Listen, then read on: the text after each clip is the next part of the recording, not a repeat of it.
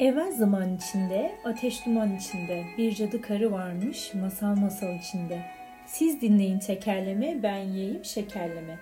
At kayadan yuvarlandı, arabanın canı yandı. Kel rüyadan uyandı, kendini padişah sandı. Yalancının evi yandı, kimsecikler inanmadı. Gittim Halep yoluna, Halep yolu düz gider, yanımda bir kız gider. Tavuklara bak dedim, çoban olmuş kaz gider. Haşlamamı haşlıyorum, hikayeme başlıyorum. Bir zamanlar bir padişah varmış. Padişah bir gün vezirini çağırarak demiş ki, al şu bir lirayı, bununla bana bir koç alacaksın. Bu koçun etinden et, derisinden kürk isterim. Verdiğim lirayı geri, koçu da deri isterim. Sana 40 gün izin, söylediklerim yapılmazsa 41. gün boynunu cellada vereceğim. Vezir odasına gitmiş. Başını ellerinin arasına alarak kara kara düşünmeye başlamış. Padişahın isteklerini yerine nasıl getirsin? Güç. Hem de çok güç bir iş bu. Sabaha kadar düşünen vezir hiçbir yol, hiçbir çare bulamamış. Bunun üzerine uzak ülkelere geziye çıkmaya karar vermiş. Belki bir yol bulurum umuduyla çıkmaya karar vermiş. Hemen hazırlanmış. Gün ışırken kimseciklere görünmeden saraydan ayrılmış, yola düşmüş. Az gitmiş, uz gitmiş, dere tepe düz gitmiş. Bir de bakmış ki bir karışık yol gitmiş. Başlamış gene yürümeye. Çok geçmeden bir çiftçiye rastlamış. Selam verdikten sonra demiş ki, çok yorgunum. Uzun zamandır yürüyorum. Ayaklarımda kuvvet kalmadı. Şu yokuşun başına kadar sen beni taşı, oradan da köye kadar ben seni taşırım.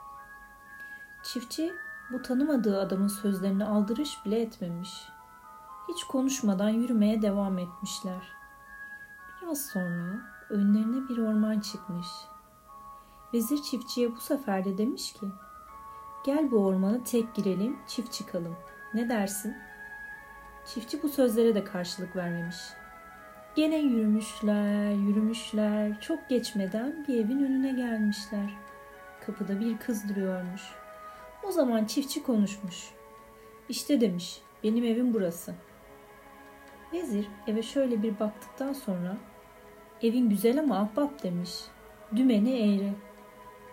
Çiftçi bu sözlerden bir şey anlamamış. Canı da sıkılmış. Vezire cevap vermemiş. Yüzüne bakmadan evden içeri girmiş. Vezir sokak ortasında yalnız kalmış. Çaresiz gidip köy adasını bulmuş, oraya misafir olmuş. Akşam olduğu için çiftçi biraz sonra akşam yemeğine oturmuş. Yemek sırasında çiftçinin 13 yaşındaki kızı babasına sormuş. Baba, bugün seninle beraber köye kadar gelen sakallı amca kimdi? Babası, tanımıyorum kızım demiş. Bugün ona yolda rastladım. Bana birçok şeyler söyledi. Hiçbir dediğini anlamadım, cevap da vermedim. Kızın merakı artmış. Nasıl şeyler söyledi de cevap vermedin? Anlamadım baba demiş. O zaman çiftçi anlatmış. Önce şu yokuşun başına kadar sen beni taşı, oradan da köye kadar ben seni taşıyayım dedi. Neden böyle söylediğini anlamadım. Kendisini hiç tanımadığım halde bana kendisini taşıtmak istediği için kızdım. Cevap bile vermedim. Biraz sonra ormana girdik. O zaman da gel bu ormana tek girelim, çift çıkalım dedi. Bu sözlerden de bir şey anlamadım. Canım iyice sıkılmaya başladı ama kendimi tuttum. Sonra köye vardık. O zaman başımdan sağmak için burayı göstererek işte benim evim dedim. Bana ne derse beğenirsin. Evin güzel ama dümeni eğri dedi. Tepem attı. Şeytana uyup da elimden bir kaza çıkmasın diye hemen içeri girdim. Evin dümeni mi olurmuş? Deli mi ne? Babasının sözlerini dikkatle dinleyen küçük kız, haksızlık etmişsin baba dedi. O adamın her sözünün bir manası var. Sen yemeğini ye de ben sana onun ne demek istediğini bir bir anlatayım. Yemek sırasında vezirin sözlerinin manasını kızından öğrenen çiftçi sofradan kalktıktan sonra doğru köy odasına koşmuş. Veziri bularak affedersin tanrı misafiri demiş. Ben yorgunluktan gündüz söylediklerini pek kavrayamadım. Kulaklarım da biraz ağır işitir zaten.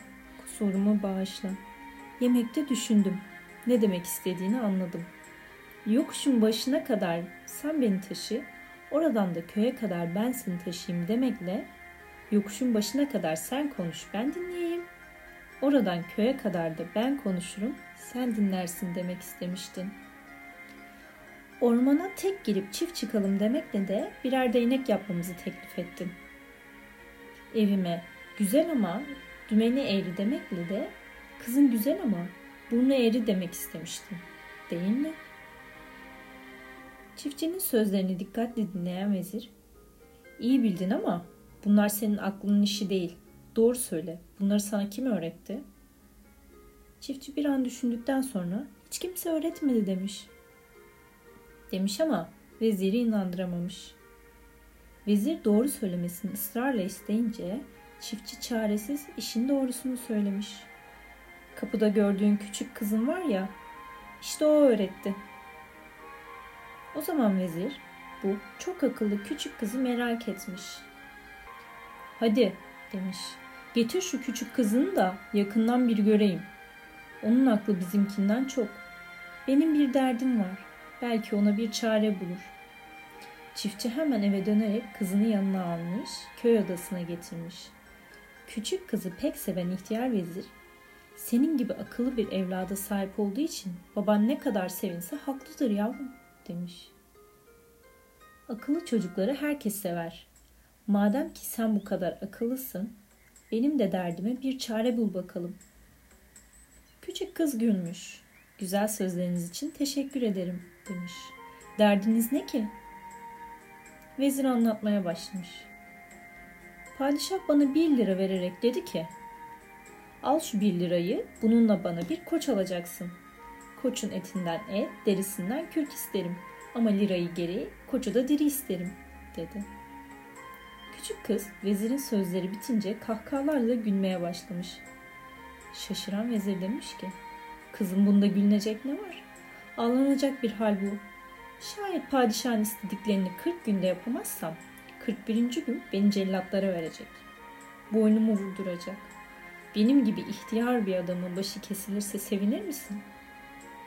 Küçük kız bunun üzerine bunları yapmaktan kolay bir şey yok ki amca. Siz hiç tasalanmayın. Ben sizi kurtarırım demiş. Bu sözlere pek sevinen vezir aman sağ ol kızım söyle bakalım ne yapacağım? Küçük kız vezire neler yapacağını anlatmaya başlamış. O bir lirayla yünü kırpılmamış bir koç alırsın. Yününü kırptırır, iki liradan satarsın. Bir lirasını saklar, öteki lirayla küçük bir kürk yaptırırsın. Koçun kuyruğundan bir parça keserek lira ile beraber bir tabağa koyar, padişaha götürürsün. Oldu mu? Vezir küçük kızın verdiği akla hayran olmuş. Cellatlara verilmekten kurtulduğu için sevinç içinde küçük kıza ve babasına teşekkür ederek köyden ayrılmış. Az gitmiş, uz gitmiş, dere tepe düz gitmiş, saraya varmış. Padişahın karşısına çıkmış, emirlerini bir bir yerine getirmiş. Padişah memnun olmuş ama bu aklı kimden aldığını vezirine sormuş. Vezir önce söylemek istememiş kemküm etmiş ama padişah sıkıştırınca doğruyu söylemek zorunda kalmış. O zaman padişah bu akıllı kızı görmek istemiş. Hemen bir araba göndermişler. Kızı köyden getirtip padişahın karşısına çıkarmışlar. Padişah demiş ki, pek akıllı bir kız olduğunu öğrendim. Bakalım aklını bana da gösterebilecek misin?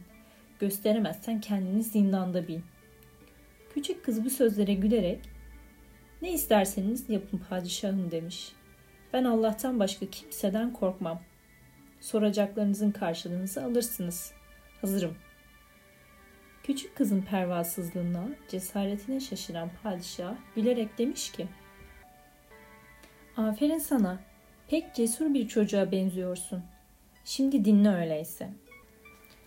Has ığrımdaki kısrama 3 gün içinde 2 tay doğurtacaksın. Şu kavanoza ben şimdi 99 tane altın koyup ağzını mühürleterek sana vereceğim. Sen onu burada benim gözümün önünde açıp içinden 100 altın çıkartacaksın. Bundan başka seni biraz sonra karşımda 70'lik bir ihtiyar olarak görmek istiyorum. Bütün bunları yapabilmen için de benden sadece bir dilek hakkın var.'' Ama isteyeceğin şey sadece iki kelimelik olacak. İstediklerinizi yapacağım padişahım demiş. Önce sizden iki kelimelik dilekte bulanayım öyleyse. Padişah iste bakalım demiş. Derhal yapacağım. Kız güneşi söndürünüz demiş. Bu istek karşısında şaşıran padişah kızarak bağırmış. Kızım sen deli misin? Ben güneşi söndürebilir miyim hiç? Olacak bir şey istemelisin. Küçük kız o zaman güneşi söndürmek olacak iş değil de demiş. Sizin istediğiniz olacak şeyler mi padişahım? Kızın bu cevabını haklı bulan padişahın kızgınlığı bir anda geçmiş. Küçük kızın aklına, zekasına hayran olmuş.